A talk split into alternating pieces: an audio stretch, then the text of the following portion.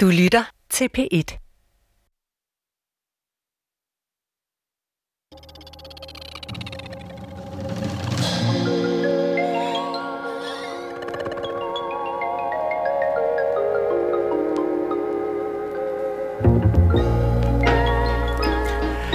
Kender du den slags mennesker, der bringer andre folks pis i kog, fordi deres holdninger overskrider grænsen mellem det forsigtige og fornuftige på den ene side, og så det dristige og helt vildt kompromilløse og storsatsende på den anden side? Jeg er på en gang tiltrukket og afskrækket af de der kontroversielle typer, som vækker anstød. Der er noget fascinerende ved den slags modige og trodsige mennesker, synes jeg. Det er nemlig de omstridte debattører, kunstnere, forskere osv., der sørger for ilt og ild i debatten. Noget at tage stilling til, og noget at tage afstand fra. Det fascinerer mig, og det afskrækker mig også lidt. Igennem mere end 30 år har jeg ofte deltaget i den offentlige debat, og mens jeg har opført mig pænt, i hvert fald det meste af tiden, og jeg har opført mig reglementeret, så har jeg også med interesse og fascination fulgt dem, som gang på gang har flået den gode stemning i stykker. De kompromilløse, de kontroversielle. Og i denne serie spørger jeg, hvad det kontroversielle bidrager med i den store samfundssamtale. Hvordan oplever den kontroversielle selv sin position og funktion? Er det et mål i sig selv at træde over den streg, som pæne mennesker bare ikke overtræder? Hvad er den personlige omkostning? Og kan man kalde den kontroversielle for den intellektuelles evil twin?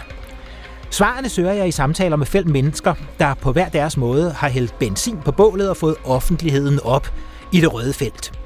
Det er litteraten Marianne Stisen, juristen Ditlev Tam, forfatteren Madame Nielsen, forfatteren Kåre Blytgen og designer med meget mere Jim Lyngvild. Mit navn er Claus Rothstein, og som udgangspunkt er jeg ret så konventionel. Måske også for konventionel. Men jeg kan gøre noget ved det? Velkommen i hvert fald til mine møder med de kontroversielle. Jim Lyngvild, han er her, der og alle vegne. Men det er ikke alle, der er lige begejstrede for det. Der var dem, der helst havde set ham forment adgang til Nationalmuseet, da han blev bedt om at give sit bud på, hvordan vikingerne mund så ud. Han var heller ikke velkommen længere som vært til Priden, efter at han om tatoveringer havde sagt, at dem, der piver, er nogle små bøssekale.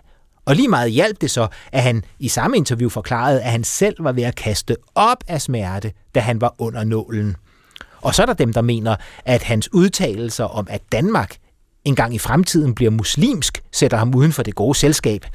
Ja, Jim Lyngvild vækker virkelig stærke følelser i offentligheden. Det kan godt være, at han gør en masse ting for en masse mennesker, men jeg mener stadig, at når man er så kontroversiel i sin retorik, så mener jeg, det, det mener jeg simpelthen ikke, man skal være. Han har et offentligt talerør, som mm. der er rigtig mange mennesker, der ikke har. Øhm, og, og det bruger han rigtig ofte til at sige nogle rigtig, rigtig grove ting om andre mennesker. Det indtryk, han efterlader hos mig, det er en hård retoriker, karismatisk, men også kontroversiel. Velkommen til øh, De Kontroversielle, Jim Lyngvild. Tak. Det var dig, de talte om. Det var det. Kan du øh, placere det her? Jeg tror, at det var... Nu, nu gætter jeg. Mm. Jeg tror, det var fra, at jeg skulle overrække Børnesagens Fællesråds øh, pris på Christiansborg, som jeg var meget, meget beæret over, fordi hvis der er en ting, mit hjerte bløder for, så er det især flygtningebørn. Mm. Øhm, og det var jeg meget glad for, men det var der rigtig mange mennesker, der øh, blev provokeret over, at øh, man valgte, at jeg skulle gøre, øh, og som havde alle mulige holdninger til, hvem jeg var og hvad jeg var. Jeg blev kaldt de værste ting. Jeg blev endda kaldt pædofil mm. øh, i samme ombæring, og var så med i det program, der hed Shitstorm, øh, på den bekostning. Og, øh, og ja, man skal jo høre mange ting, før ørerne falder af. De er ikke faldet af endnu, så jeg har åbenbart ikke hørt det slemt nok endnu, men, øh, men det var i hvert fald der, de her ord faldt. Og det her var fra Shitstorm, mm. øh, hvor de havde bedt folk, som havde skrevet om dig på Facebook eller andre steder, ja. om lige at øh, uddybe. Altså, du må jo være et meget tolerant menneske, hvis du står model til at blive kaldt øh, pædofil. Nazist og pædofil og racist. Øh, altså, nazi, eller hvad hedder det, pædofile er kun blevet kaldt én gang, og i selv samme ombæring her i Shitstorm prøvede man faktisk at få den dame i tale, som havde skrevet det, men hendes øh, begrundelse var, at hun var kognitivt dårligt fungerende, og at hun led af epilepsi. Mm. Det var så und- undskyldning for det.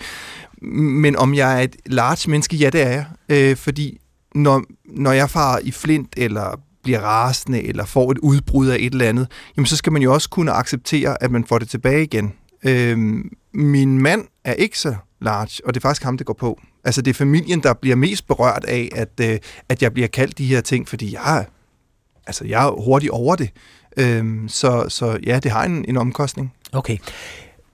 Da, da vi skulle rekruttere gæster til det her program, så havde jeg en lang liste. Alle mulige. Øh, mennesker, som jeg synes var kontroversielle i den ene eller den anden forstand. Øhm, jeg ville gerne have haft dronning Margrethe med, altså det var bare en tanke, fordi hun havde sagt, at hun ikke var ganske overbevist om, at klimaforandringerne var menneskeskabte. Mm. Selvfølgelig ville jeg ikke få dronning Margrethe med i det her program, men jeg havde en lang liste med kontroversielle personer, og du var faktisk ikke på listen. Men så begyndte jeg at spørge folk i min øh, omgangskreds, hvem synes du er kontroversiel? Hvem skal jeg invitere ind i programmet? Og så begyndte du at dukke op. Der var rigtig mange, der nævnte dig som en kontroversiel person. Og så tænkte jeg, at øh, så er der jo noget om snakken, og så begyndte jeg at øh, øh, researche. For jeg havde kun et øh, en overfladisk fornemmelse af dig. Mm. Det tror jeg måske, der er mange, der har. Mm. Selvom du er alle hvide vegne. Så hvis vi lige begynder med øh, at type bestemme dig, så har jeg set ord som designer, cremeproducent, reality-stjerne, modekommentator, debattør, øh, viking-ekspert, og man kunne sikkert sige meget andet også. Hvad, hvad er du mest af alt? Hvad, jeg kan huske, at jeg engang hørte, at, øh, at Karen Bliksen sagde, at she was a storyteller. Mm-hmm. Og det der storyteller eller historiefortæller, det synes jeg rammer så godt, fordi det er egentlig bare det, jeg er. Altså, om man, og jeg er uddannet designer, ja, øh, men min designs fortæller altid en historie. Når jeg laver udstilling på Koldinghus eller Nationalmuseet, så er det jo for, for at fortælle en historie. Øh, på den måde ser jeg ikke mig selv som værende det ene eller det andet, eller jeg skal have et eller andet, altså når, når de ringer fra God Aften Danmark, eller hvad jeg også deltager i, mm. og de spørger, hvad skal vi putte på for en byline?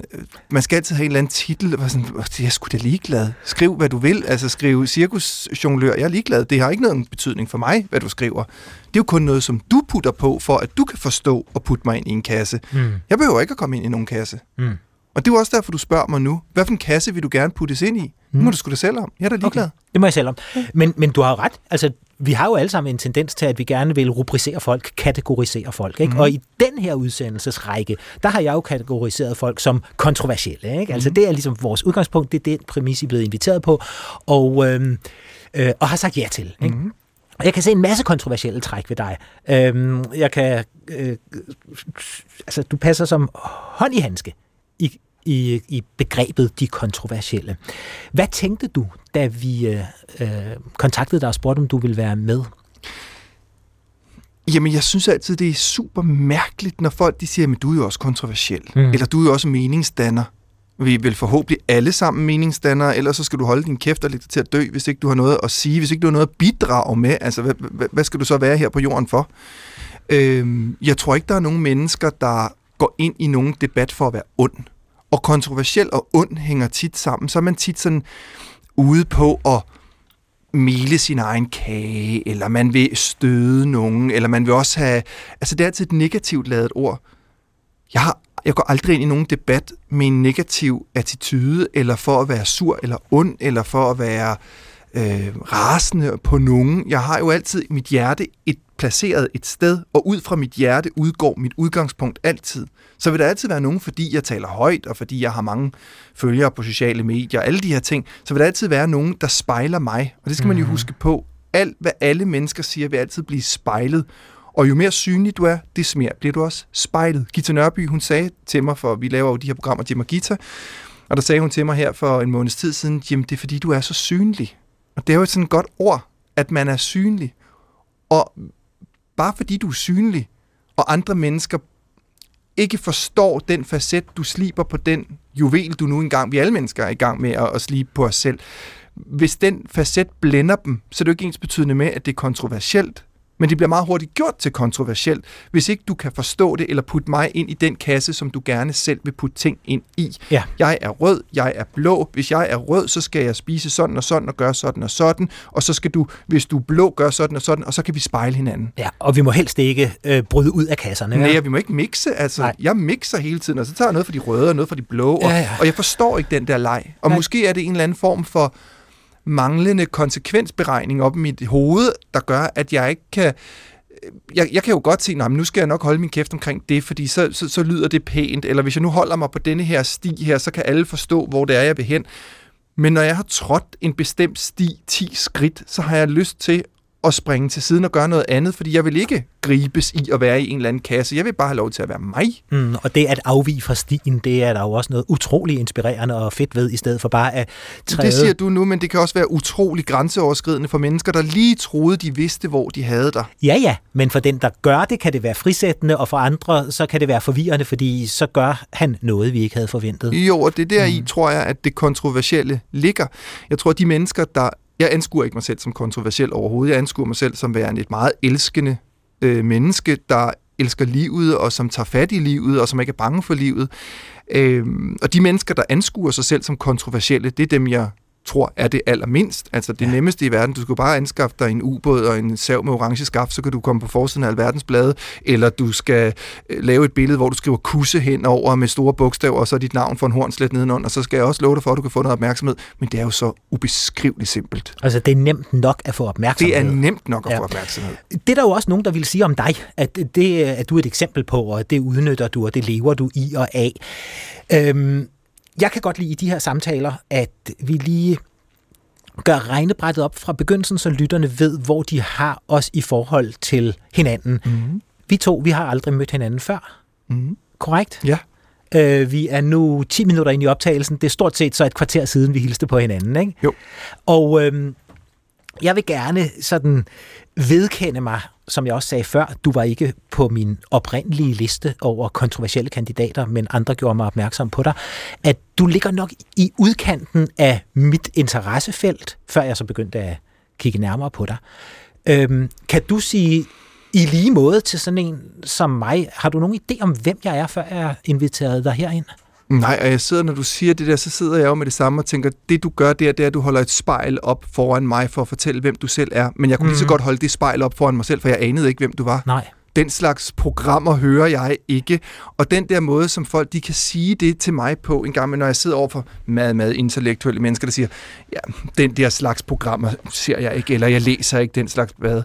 Hvilket slags blad? Weekendavisen, Berlinske, Politikken. Jeg har optrådt alle steder med mm. store artikler, jeg kunne blive ved. Øh, men, men vi mennesker, tror jeg, har sådan en, en indbygget øh, geigertæller, hvad vi skal undgå og interessere os for. Og der er bare nogle ting, som, som når det ikke er inden for vores begrebsopfattelse, så ser vi det ikke. Hvis Nej. vi har tænkt os at købe en Volvo, så ser vi Volvoer overalt på gaden lige pludselig. Så tænker man, der er aldrig nogen mennesker, der er så mange, der har kørt i Volvo.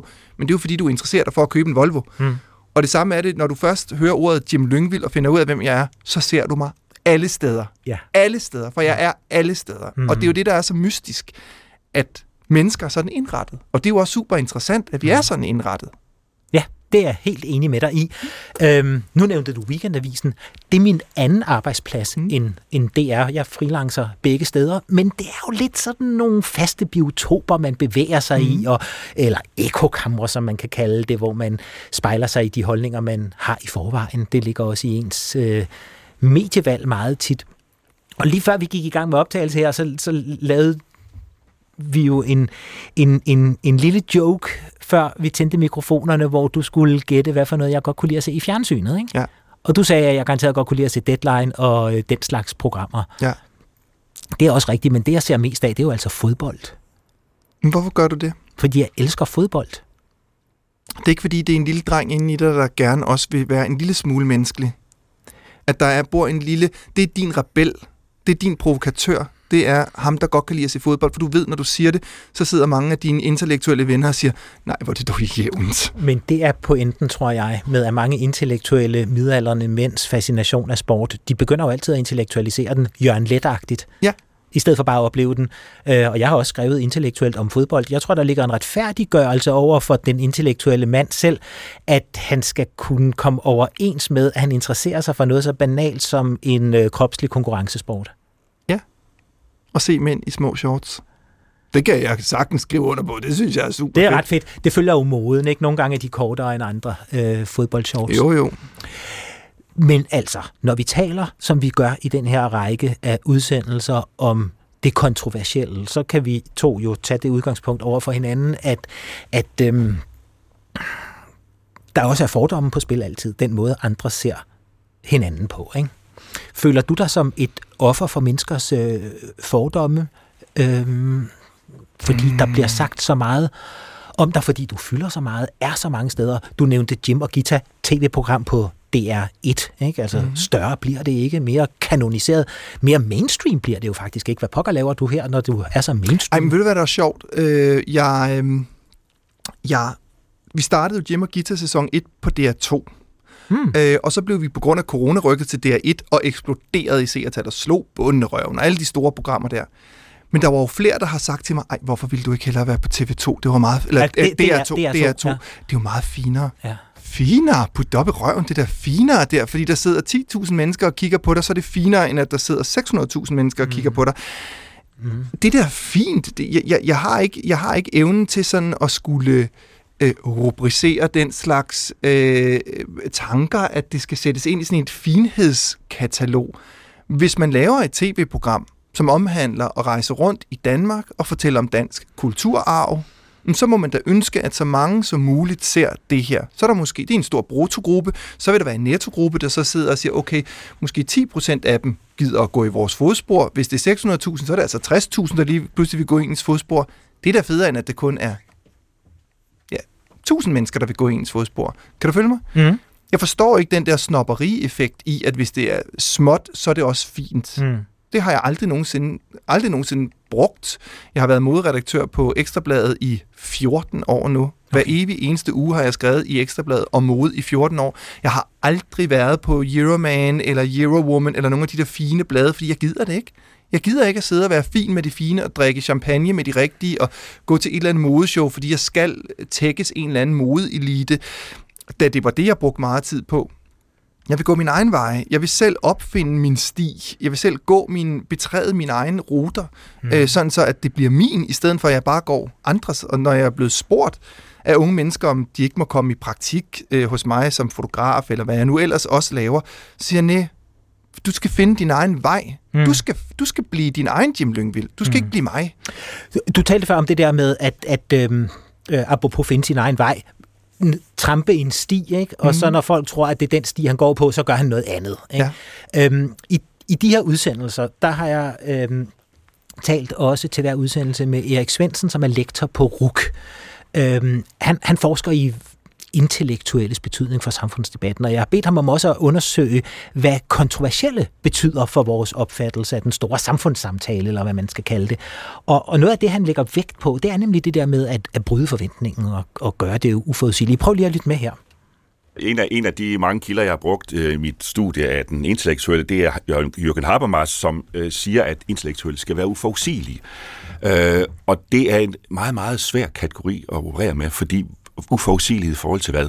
Og der, der, men, men det er omvendt en stor kvalitet, fordi så betyder det, at tænkeren er vital, tænkeren øh, stiller spørgsmål, som vi andre ikke vil stille, og på den måde er altid udfordrende. Så det udfordrende er en vigtig side, at, og hvis vi ser på det kontroversielle, så, er, så tænker de to ting selvfølgelig sammen.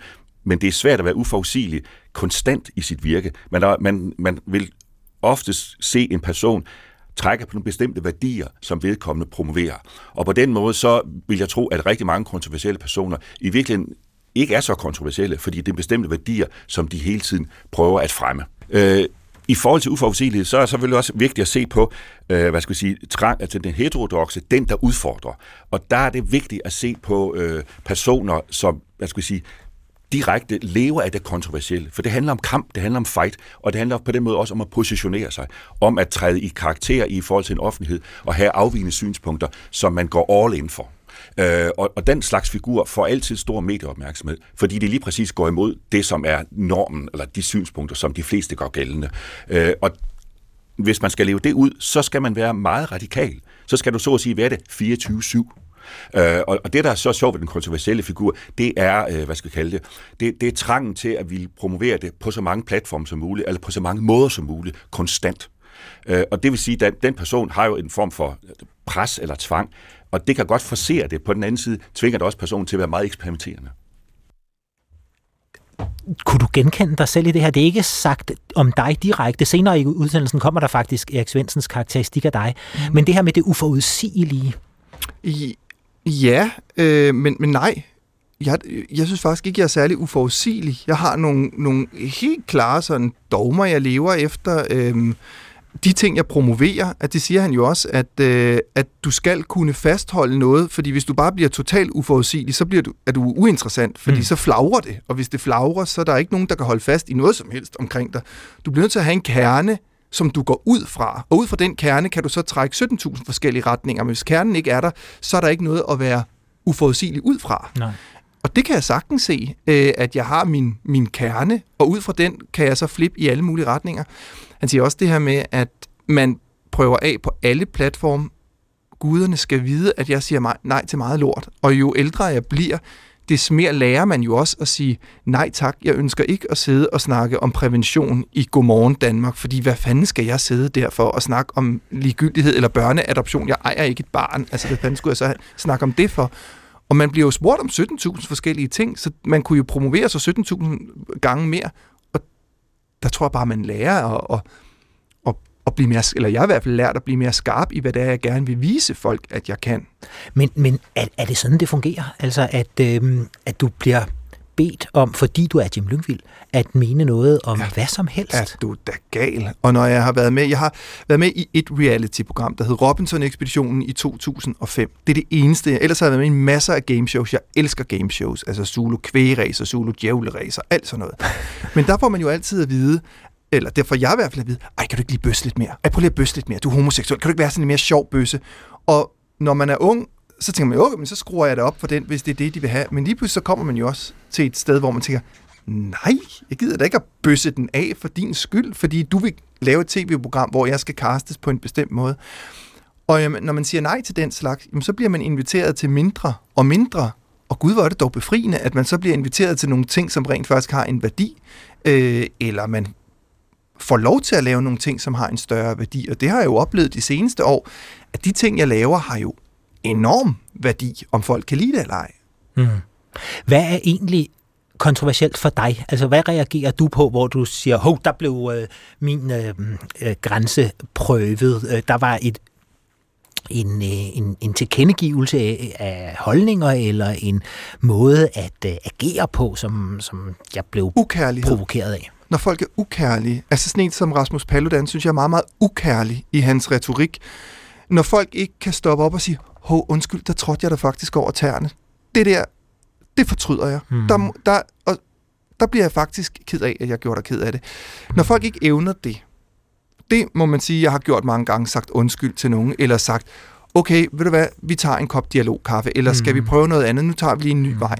Hvis ikke man evner det, det, det provokerer mig rigtig meget, hvis man er totalt skråsikker på noget, og du slet ikke vil ændre øh, syn på, på sagen. Men kunne man ikke godt forestille sig, at Rasmus Paludan, jeg ved det ikke, jeg har aldrig mødt ham, og han er her jo ikke, så vi kan ikke spørge ham, men, øh, men tror du ikke, at han måske opfatter sig selv som et meget øh, kærligt menneske? Jo, det gør han sikkert. Mm. Men, øh, men det er jo også min spejling af ham, hvem jeg er. Ja. Og dermed vil der også være andre, der ser sig selv som værende, fordi de er veganere og øh, spiser klid og spil fra morgen til aften, og jeg bruger rigtig meget pels i mine designs, så vil jeg jo være ondskaben selv, for jeg står for præcis det modsatte af, hvad de gør. Så det ligger jo på mange planer, hvad du anskuer som værende ondt, eller grænseoverskridende, eller modbydeligt. Hmm. Når jeg interesserer mig for begrebet de kontroversielle, eller for, for det at, at opføre sig, eller tilkendegive meninger, som er kontroversielt, så det er jo fordi, jeg har en fascination af det, men også, som, som jeg sagde i programmets indledning, en eller anden form for, for øh, forskrækkelse også, eller hvad man, hvad man skal sige. Ja, forskrækkelse tror jeg er et meget godt ord. Øhm, og jeg har lejlighedsvis mærket øh, modstand og modvind på grund af noget, jeg har skrevet. Så jeg ved godt, at det kræver noget at leve op mod en øh, modvilje, hvor folk mener, at du har gjort eller sagt noget kontroversielt. Personligt har jeg aldrig haft en tilstedeværelse på de sociale medier, men det har du i meget høj grad, ikke? Mm. hvor folk jo tillader sig hvad som helst, har jeg mm. indtryk af. Forstyrrer det aldrig din øh, ja, nattesøvn, kunne man sige, eller din selvtillid, når du er i modvind for ting, du har sagt, når du har overskrevet en grænse og endnu ikke nået at sige, undskyld, lad os drikke dialogkaffe og så videre. Øh, hvordan har du det med folks meget ramsaltede respons på dig nogle gange? Ja, men det, jeg vil sige, med, igen med alderen, jeg er kun 41, så der er begrænset, hvor meget jeg har oplevet, men der bliver det nemmere at tage, for man finder ud af, jo flere gange man oplever det, at det har aldrig noget med mig at gøre. Det er altid andre menneskers eget spejl. Når, når de synes, jeg er latterlig over noget, jeg har sagt, så det er ikke, fordi jeg har sagt noget, men fordi det vækker et, en genklang i dem, som reagerer noget. Øhm, og når man lærer det, så, så, så bliver det noget nemmere at stå imod. Og så lærer man også, hvor man skal sætte sine fødder, fordi som jeg siger, jeg ønsker ikke at være kontroversiel for at være kontroversiel. Jeg er nok bare drengen i kejserens nye klæder, der kommer til at, at råbe højt, når, øh, når jeg ser noget, jeg, jeg ikke kan forstå. Og så er der ikke så meget filter for at sige de her ting her, eller sige, men, men hende der Bauala Sørensen, eller hvad hun hedder, hun er jo rapplende vanvittig. Mm. Og så kunne jeg jo godt sige alle mulige 17 ting foran og sagde, men det er jo ikke, fordi jeg er racist, og jeg skal også lige at huske, dem har jeg så ikke, fordi at, at alt, der kommer før et men, virker ikke. Det er ja. løgn. Eller efter et men.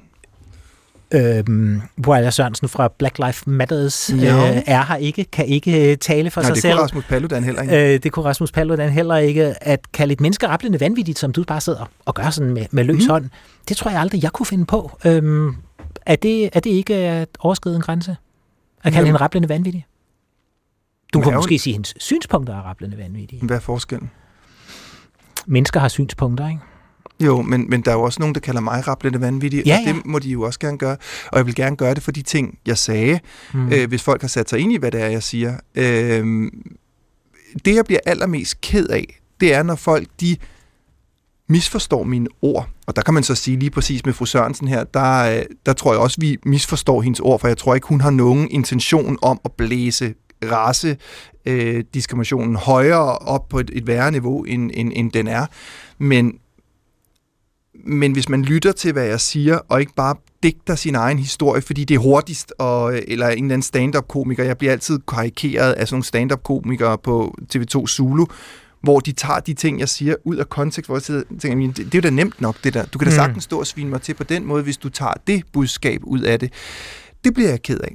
Men er det, ligger der ikke en anerkendelse i at blive øh, øh, behandlet af stand-up-komikere i revyer og den slags? Altså ligger der ikke øh, simpelthen en, en, en anerkendelse af ens position? Nej, jeg vil sige det på den måde, jeg er også blevet i flere gange, flere år i træk, blevet behandlet i Cirkusrevyen, og øh, det er en anerkendelse. Fordi det er dygtige, dygtige mennesker. Det er en stor forretning, og det er nogle meget, meget dygtige kunstnere. Men fordi at øh, du er 17 år og skide sjov og ser lidt pæn ud og kan stå på TV2 Zulu, så er det ikke ens betydende med, at du er et hamrende begavet geni til at skrive tekster. Nej, det er det vel ikke. Nej. Nej. Du kunne jo være det, det, og det kunne være, at du blev det ad over, men, øh, men, men man, skal, man må godt grædbøje ting, så det er ikke hver gang, at man bliver karikeret, at det er lige fedt. Når man bliver der Roald Als i politikken for eksempel, det er en stor gave. Altså der, ja. selvom han nok har tegnet mig nok så groft, så synes jeg hver gang, at det er fuldstændig forblændende. Hører du så også til dem, der gerne vil købe originalen af ham? Nej, det behøver jeg ikke. Okay, fordi der har han jo øh, gradueret priser alt efter, om man er højorienteret eller venstreorienteret. Nej. De højorienterede skal betale mere, i hvert fald politikerne ved ja. jeg. Ja. Men, men jeg synes, der ligger en anerkendelse i at blive genstand for satire og revy øh, og den slags. Så øh, det kan du da bare tage til dig på den positive måde. Men, men hvis du skulle give mig et eksempel på øh, øh, din egen kontroversialitet. Hvad er, det, hvad er det mest øh, kontroversielle, du kan præstere eller har præsteret? Jeg vil faktisk sige, og det her det har jeg faktisk aldrig nogensinde fortalt nogen, øh, og nu kommer der en afsløring. Øh, jeg var engang rigtig gode venner med Pia Kærsgaard. Eller det vil sige, jeg lod som om, jeg var gode venner med Pia Kærsgaard jeg skulle holde en båltale ved øh, bøssernes øh, fest nede på Amager Strand, og tænkte, hvem er det mest kontroversielle menneske, man kan være ven med? Fordi jeg elsker altid at træde i modvind. Hvis der er nogen, man ikke må kunne lide, så bliver jeg nødt til at kratte i, hvem de er. Mm.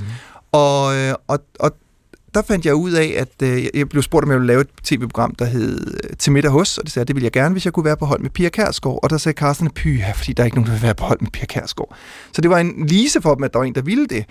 Øhm, jeg fandt så ud af, at Pia faktisk var et rigtig sødt menneske. Mm. Men jeg fandt så også ud af, at hun er det mest manipulative menneske, jeg nogensinde har mødt, fordi alt men, handlede om at bruge mig, men det handlede også om fra min side om at bruge hende. Men, men Jim, hun er ikke Pia Kjærsgaard, så hun kan ikke øh, tale Men hvorfor, for sig. Hvad, hvad skal jeg så sidde og sige? Altså, hvad, hvad skal jeg lukke op for en eller anden, en ikke eksisterende kasse? Jeg har engang spist en hundelort. Er det så det, der er det mest kontroversielle, jeg kunne gøre? Nej, nej. Jeg synes, du skal, jeg synes sådan set, du skal gøre din øh, historie færdig. Vi skal bare lige huske, at øh, Pia Kjærsgaard ikke er her, og derfor ikke har anledning til at, eller mulighed for, hedder det, at øh, give Men er det ikke lige meget? Hun, er, hun kan jo sige den samme historie Jo. i medier, og det har hun også gjort. Men, nå, har hun det? Okay, men måske øh, var der bare ikke nogen, der, der holdt lidt snor i hende der. Øhm, men, men gør historien færdig.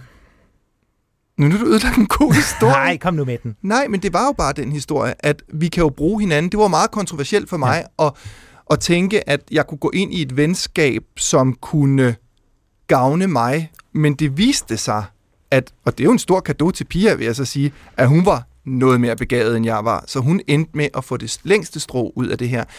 Og det endte med at brænde mine fingre noget så gevaldigt. Mm. Det lærte mig, at øh, politik skal jeg holde mig fra, øh, fordi at, øh, at, at jeg er ikke noget politisk menneske. Nej. Så når jeg prøver at lege med, med, med nogen, der kender det her game langt stærkere end mig, jamen, så brænder jeg fingrene. Og Men- det er en for mig meget kontroversiel historie. Jeg, jeg synes jo, det er interessant, at der er sådan et, øh, et, et vekselforhold, hvor man, man skal have noget ud af hinanden. Tror du, skal, der er noget som helst andet i den her branche her? Øhm, nej, åbenbart ikke. Når du, altså, det, det virker som om, det er din, det er din øh, professionelle livserfaring. Jamen, det kan jeg da. Prøv nu at høre her. Når man mm. ser, hvis du bare har lidt erfaring, og det har du, altså med, med tv og, og mediet, så ved du jo også, at folk bliver castet i programmer, de oh, ja. bliver sat sammen, Ja, ja, fordi de skal se ud på en bestemt måde. Så kan der være en gang imellem, at man møder et menneske, hvor man tænker, hold da kæft, du var faktisk mere, end jeg regnede med. Ja, og ved du hvad, det synes jeg tit, jeg er ude for i øh, øh, den der værdidebat, hvor man møder mennesker, man måske har flået øh, hovedet af i en offentlig debat, men ikke mødt, og så er alle jo som udgangspunkt venlige nok. Og det synes jeg, der er noget meget, meget rart over. Det er bare for sjældent, at man får, mig, får, får anledning til at, til at møde mennesker, man mener det modsatte af. Ikke? Ja, Men det er jo lige præcis det. Ja. Og det er jo det, jeg siger med historien om Pia. Altså, jeg har respekt, kæmpe, kæmpe respekt for, at, øh, at hun spillede spillet på samme måde, som jeg gjorde. Mm. Øh, men, men det er et spil. Mm. Og den, den største og mest kontroversielle gave, du kan få, det er at tåre at sætte dig sammen med mennesker, som du på forhånd tænker, vi to, vi har intet til fælles. Ja. Og så kan man rent faktisk, jeg har det også med Inger Støjberg, Ja, ja. som er en af mine rigtig gode veninder i dag. Fordi vi behøver ikke at sidde og tale politik. Vi kan bare grine, og vi griner, og vi griner, og vi griner. Der har vi fundet den ting sammen.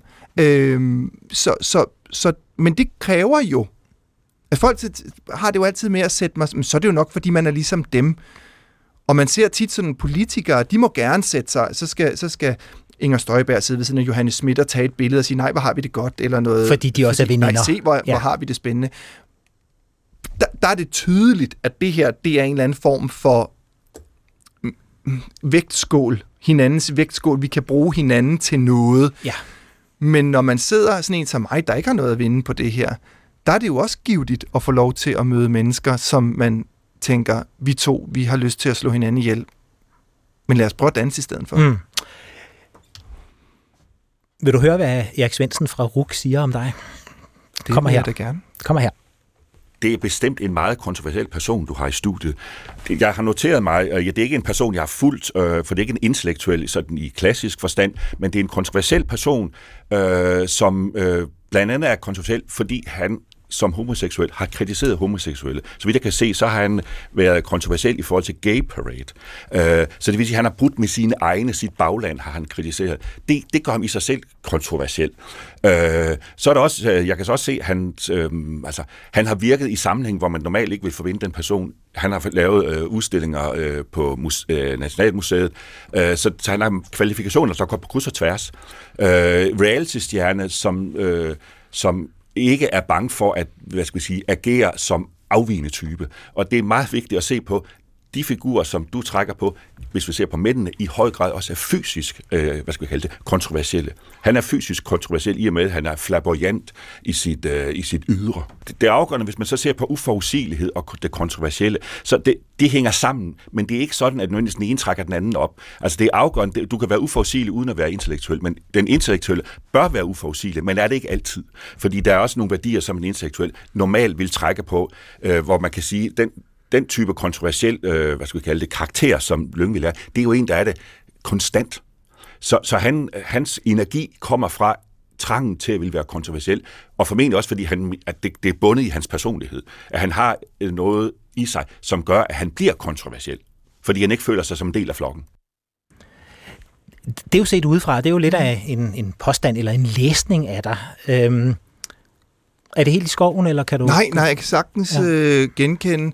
Så først bliver jeg helt ked af det der med, at jeg sagde om piger lige før, fordi du har fuldstændig ret i, det er helt unfair. Altså igen, så vågn, bliver man nødt til at vågne op og sige, undskyld, det kunne jeg da faktisk ikke tillade mig at sidde og sige. Nå, øh, tilbage til dit spørgsmål nu.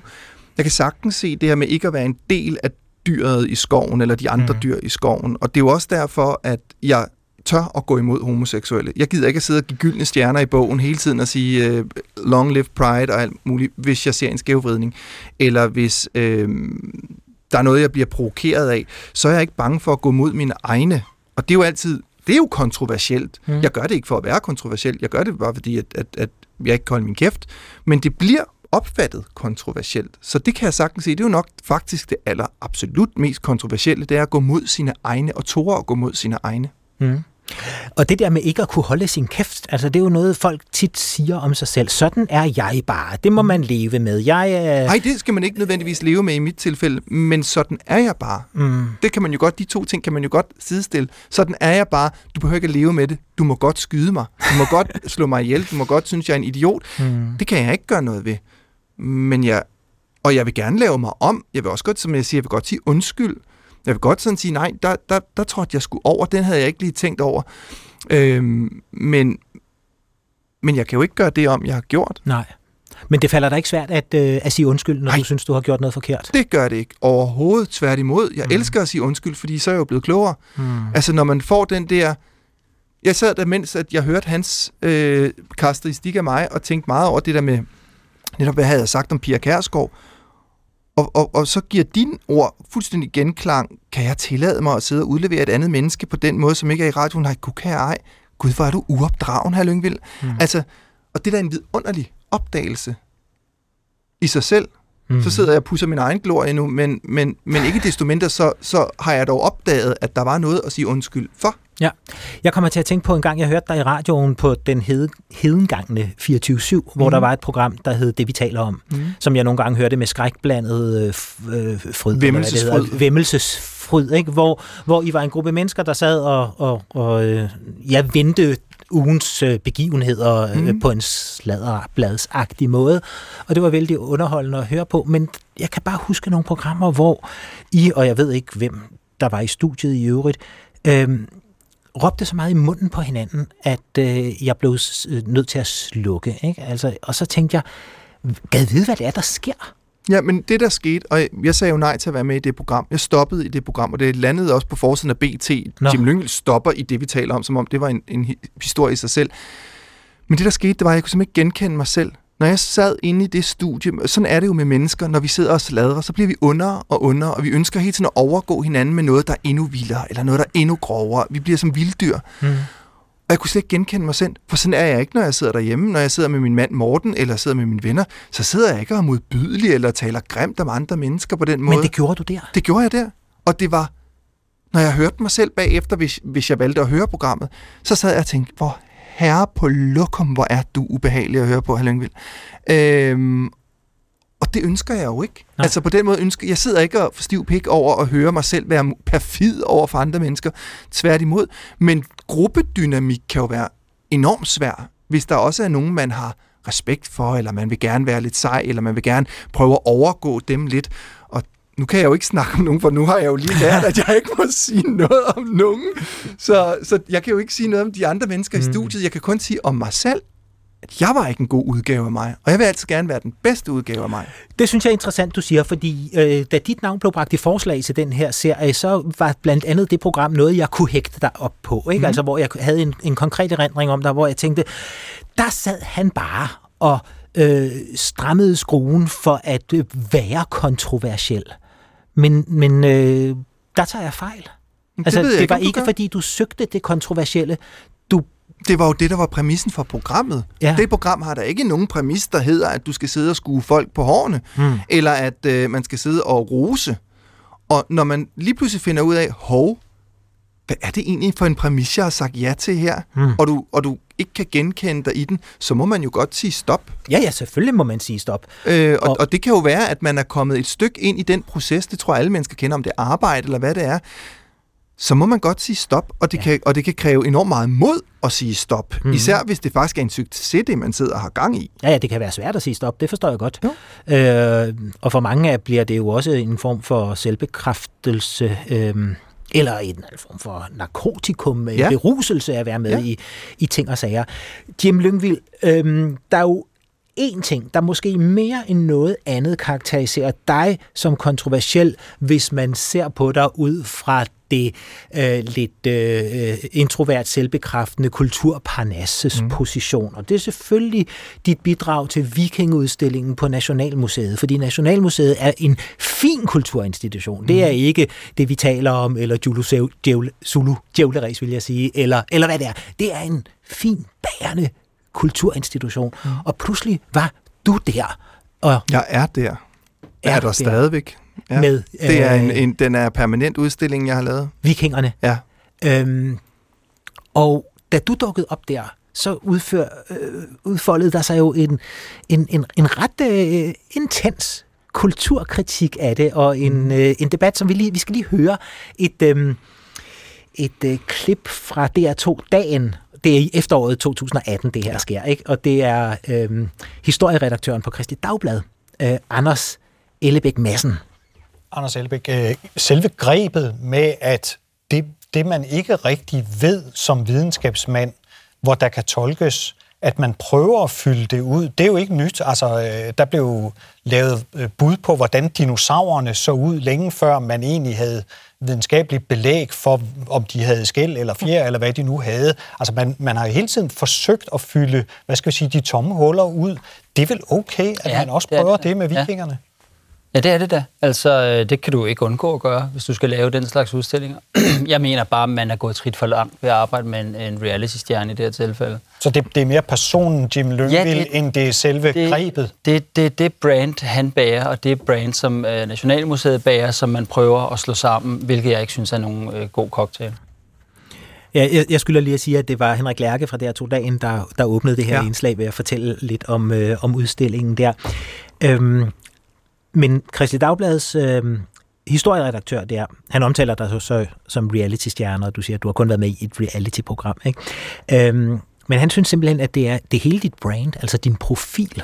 Men, men det sjove er jo, at jeg oplevede efteråret 2018 og vinteren 2018 som en meget, meget hård tid, fordi der var ikke en eneste dag, hvor der ikke i et eller andet dagblad, også i Weekendavisen, mm. var store artikler omkring Jim Lyngvilds Nationalmuseum Vikingeudstilling.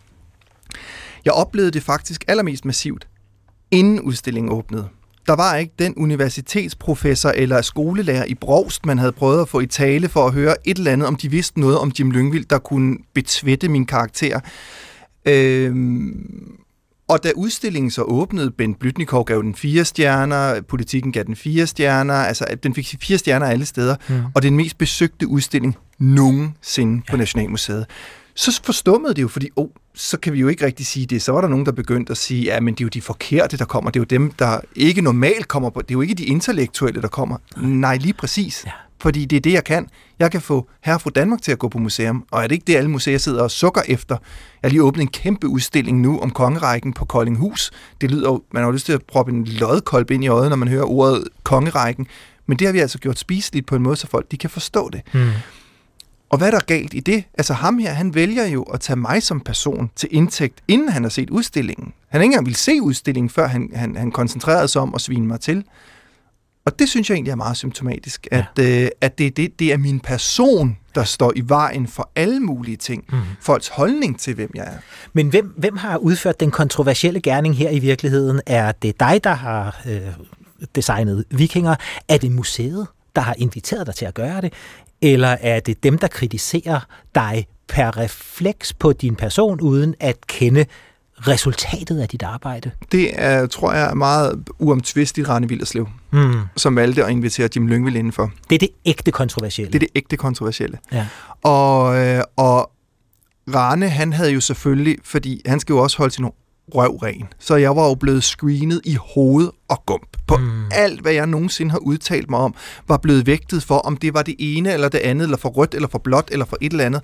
Og der var alle Nationalmuseets eksperter inde over det her og sagde, der er ikke noget at komme efter. Altså han har ikke sagt noget, der på nogen måde er så kontroversielt, så vi ikke kan sættes i bås med ham. Men folk har en idé om, at jeg havde sagt noget engang, eller mm. de synes, de kunne huske noget. Men det skal jo ikke... Altså, jeg vil jo som regel gerne have, at det er produktet, der taler, og ikke det, som folk har af forventninger til produktet. Jim Lyngvild, i 2016 udgav du en bog, der hedder Møgeunge. Mm. Information anmeldte den, og nu er vi så altså øh, på det aller, øh, hvad skal vi kalde det, øh, aller øverste hylde, når vi snakker det, det det intellektuelle kulturparnas. Ja. Ikke? Mm. Øhm, og prøv her, der står sådan her i anmeldelsen. Det er historien om en selverklæret moderne viking, designer, cremeproducent, reality-stjerne, fantasyforfatter og åbenmundet politisk provo, der er bedste venner med Inger Støjberg og Pia Kjærsgaard, og nærmest med kontrær nødvendighed dyrker det politisk ukorrekte og alt det andet som parnasset, som han inderst inde så brændende ønsker anerkendelse fra, ser ned på. Da jeg læste den anmeldelse, så tænkte jeg, om anmelderen må rammer hovedet på sømmet. Fuldstændig. Øh, du skildrer jo en opvækst under meget ustabile vilkår, sociale mm. ustabile vilkår, øh, da du voksede op i Albertslund. Ikke? Og uden at vi behøver at føre dit voksenliv øh, tilbage til barndom i alle forhold, så, så, så synes jeg, at anmelderen, Eva Ejstrup var det, har en interessant jagttagelse i det, hun kalder din kontrære nødvendighed. Ja, men hun er da fuldstændig ret. Ja. Og det er... Øhm, den er jo ikke skrevet med kærlighed, den her øh, anmeldelse. Den er skrevet med en meget spids og vas pen, mm. men hun har jo ret. Synes Øh, du det? Ja, det synes jeg. Jeg synes, den er, den er sat hårdt på... Øh, det, det handler faktisk ikke om at anmelde bogen. Det handler om hudflette Jim Lyngvild. Fordi nu skulle hun endelig have lov til det. Og hun har ret. Hun har fuldstændig ret, og det kunne man sikkert også gøre med alle mulige andre mennesker. Alle mennesker kan man jo trække et eller andet spor, og vi alle sammen vil gerne have anerkendelse. Der er ikke et eneste menneske, der går på arbejde på daglig basis, uden at ønske en eller anden form for anerkendelse. Måske også en, en hudløs, bevidst ønske om anerkendelse. Sandt nok. Ellers så vil man jo gøre det. Men Jim, der tror jeg, der må jeg sige som, som, som litteraturanmelder gennem 30 år, jeg læser den anmeldelse anderledes, end du gør. Men øh, den handler jo så også om dig, men, men jeg synes ikke, den er, er øh, en hudflætning eller kærlighedsløs. Jeg synes, der er noget respektfuldt over den. Jeg vil lige læse et citat mere, mm. hvor hun skriver, Det er som om, han får en særlig nydelse ud af at provokere. Særligt de kloge mennesker med de rigtige holdninger. Jeg vil skide akademikere et, stø- et stykke. Øhm, skriver hun som et citat fra bogen, eller de smagsdommer i modeverdenen og kulturlivet, der vejede ham og fandt ham for utræret, da han som ung designer forsøgte at få fodfæste i branchen. Der ligger trods i nydelse, men også smerte bag den måde, han stolt bærer sin filterløshed som, en, som et sandhedens æresemblem. Og det er faktisk smukt. Det er sgu da smukt. Du Det er husker den. Du husker den forkert, den anmeldelse. Ja, men det har du måske ret i. Det der, det synes jeg, det er jo ekstremt smukt skrevet. Det er sådan noget helt andet. Mm. Meget, meget lyrisk. Øhm, Stolt bærer sin filterløshed som et sandhedens æresemblem. Det er da fantastisk. Gud, det skal jeg have tatoveret på mine baller. Det er pisseflot. øhm, men det har du da fuldstændig ret i. Og, øh, og jeg kunne sagtens begynde nu at fare i flint og sige, hov, hun har ikke ret i sådan og sådan, men hun har sgu da sikkert ret i det hele. Øh, lad os tage de freudianske briller på og være hudløs ærlige og sige, ved du hvad, du har fanget mig, søster. Men du huskede hendes anmeldelse helt anderledes. Jeg huskede den faktisk ikke. Jeg har aldrig nogensinde hørt den, tror jeg. Jeg har Nå, okay. læst den. Men du Øh, havde- fordi du- jeg har aldrig nogensinde læst information. Men du havde, Jim Lyngvild, en mening om den. Ja, jeg havde en mening om det første, fordi... Du gør dig skyldig i nøjagtigt det samme som de mennesker, der havde en mening ja. Om din udsendelse på Nationalmuseet, før de havde set den. Ja, men det er fuldstændig rigtigt. Hvad Men det er kan vi- fordi, Hvad at, kan vi lære af det? jamen, ja, jo lære at lytte efter og holde vores kæfter og slå lyttebøfferne ud. Mm. Øhm, nu er det så bare fordi, at, at lige præcis information, Ja. og det er jo igen min, mit spejl, hver gang ordet bliver nævnt, eller hver gang jeg bliver nævnt i information, så er det med, som reality-stjerne, eller som rapkæftet, eller, og de elsker at tage mine bøger, jeg har skrevet, nu har jeg skrevet over 30 bøger, og de elsker at tage mine bøger og lave dem til hele opslag, hvor de kan altså nedgøre begrebet. Jeg var den første, der nogensinde skrev en bog omkring alle kronprinsesse Marys kjoler. Det synes de var det mest latterlige, de nogensinde, altså man kunne skrive en bog om kronprinsesse Marys kjoler. Mm. Det var så dumt. Så, så jeg, har, jeg har nok også en berøringsangst over for information. Mm. Maja, min egen fætter, hedder Ralf Christensen og skriver musik på information, så han er jo en af de klogeste. Musikanmelder, ja. En musikanmelder, øh, og jeg sidder med, med store stridende øjne og er helt misundelig på, at han er en del af det pæne kulturpanas, og jeg sidder bare derovre på den, på, på den anden side og er så udskilt. Men, altså det også... kulturpanas, som du ifølge anmelderen inderst inde brændende nemlig, ønsker anerkendelse fra. Nemlig. Og det er derfor, du også skal fortælle os, at du fik fire hjerter i Berlingske og fire ja, hjerter i politikken. Gud, det er da det. Ja, ja. Men er det ikke en del af det? Og det, jeg egentlig siger, det er, at det gik jo alligevel. Så behøvede jeg ikke at være en del af deres kulturpanas, for det Nej. gik alligevel mm. på min måde. Og det er derfor, jeg har brug for at sige det. Jeg har brug for at sige, altså det, det smukkeste, der nogensinde er skrevet, fra mit perspektiv, det er hos Andersen, der skrev, det gør ikke noget, du er vokset op i Annegården, hvis du er klækket af svaneægget. Og givet der var flere, der anerkendte, at de faktisk bare er klækket af svaneægget, men at de sidder i en forkert Annegård. Det er anden gang i dag, du citerer H.C. Andersen. Du uh, citerede også fra Kejserens nye klæder, ikke? Yes, ja, ja, det er rigtigt. Hvor du sagde, den lille dreng, der siger, mm. han har ikke noget tøj på. Det er ikke en dreng, det er et barn. H.C. Andersen er meget omhyggelig med at sige, ja, ja. det er et barn. Det er et barn. Men det er jeg... ikke kønnet hos H.C. Andersen, Nej. men det er et barn. Ja. Øhm, men Jim, vores tid er ved at rinde ud nu. Øh, mm-hmm. Vi har, vi har 4-5 minutter tilbage, eller noget i den retning der var mange ting ved dig, og det kontroversielle, man godt kunne tage fat i sådan helt ned på det semantiske niveau og sige, hvorfor har du skrevet øh, øh perkersvin, og hvorfor har du skrevet... Kan du huske, hvorfor jeg skrev det? Ja, ja, ja, det kan jeg godt huske. Du skrev om nogle øh, anden generations indvandrere, der havde råbt homofobiske ting efter dig, osv. Mm. Ikke? Øhm, øh, fordi sproget jo, det, det har du et meget, hvad skal vi sige, liberalt forhold til. Altså, du, du du siger, ved du hvad, i bund og grund, og ved du hvorfor? Det er fordi, jeg er fra Albertslund. Ja, du og når man kommer fra Vestegnen, så ja. har man altså bare et andet sprog, så er man ikke intellektuel i sin mund. Jeg er ked af at sige det. Jeg voksede op i Kronens kvarter 5C. Er det rigtigt? Men forlod ja, okay. det som barn, men, øh, men min, min, min bror vendte tilbage til Albertslund. Min nevø er vokset op der. Jeg kender Albertslund rigtig godt. Ja. Øhm, så jeg ved godt, hvad du mener. Den, den dejlige øh, forstad vest for København. Men nu hvor jeg har dig her under fire øjne, og vi kun har kort tid tilbage, så vil jeg øh, spørge, om du kunne gøre mig en, en, en tjeneste, fordi du ser jo mig som den her øh, kontrollerede øh, litteraturkritiker, øh, intellektuelle øh, type.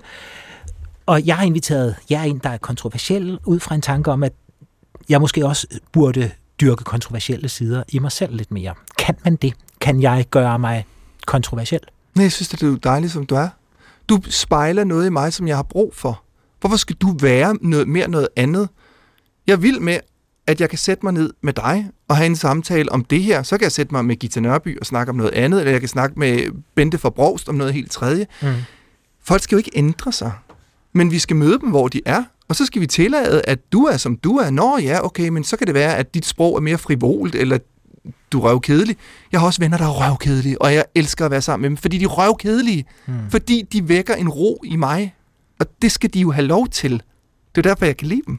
Men hvis jeg gerne vil øh, prøve at være lidt mere øh, ikke Jamen, jeg skulle til at sige, så få, en, så få en smart brille og klippe dit hår, men det har du allerede gjort. Men altså. jeg har ikke noget hår at klippe, vel? Nej. Altså, brillen, og den er, er den ikke stramme, okay smart? Den, jamen, det, man har jo lavet sådan en undersøgelse, der viser, at, at, at mænd med en IQ over 120 i Københavnsområdet, de er alle sammen skaldede og har sorte briller. Så ja, ja. jeg kan dermed lede, at du har en IQ over 120 og går sort klædt og har en sort brille. Tillykke, du er i den rigtige kasse, kammerat. Ved du hvad? Så øhm, så stopper vi, vi der. Det var en god udgangsreplik. Jim Lyngvild, tusind tak, fordi du vil være med blandt de kontroversielle. Tak, tak, fordi du øh, var her. Og her slutter så anden episode af serien. Første gæst var Marianne Stisen, og anden gæst var altså Jim Lyngvild. Og næste gang så taler jeg med Ditlev Tam, som har forsket kontroversielt i retsopgøret efter besættelsen, og i øvrigt, Jim Lyngvild, interessant for dig, har omfortolket den måde, som mennesker som ham forventes at gå klædt, for han er en flamboyant og elegant herre. Og så har jeg jo bedt Erik Svendsen om at karakterisere alle mine gæster i denne serie, og derfor så skal jeg jo også smage min egen medicin, og det venter jeg med at gøre til episode 5, hvor Erik type bestemmer mig som kritiker og debattør. Og så må vi se, om, øh, om han kan vise mig en vej til en mere kontroversiel profil, hvis jeg vælger at gå efter det. Uanset om du hører det her i radioen eller som øh, podcast, så skal du have tak for opmærksomheden. Og alle seriens episoder ligger allerede nu klar på en sølvbakke i DR's radio-app. Men hvis du ellers vil høre det i god gammeldags radio, så er det samme tid, samme sted, samme kanal i næste uge. Redaktør på serien, Troels Østerlund Madsen og producer Torsten Christiansen og mig, studieverden Claus Rothstein, siger på genhør.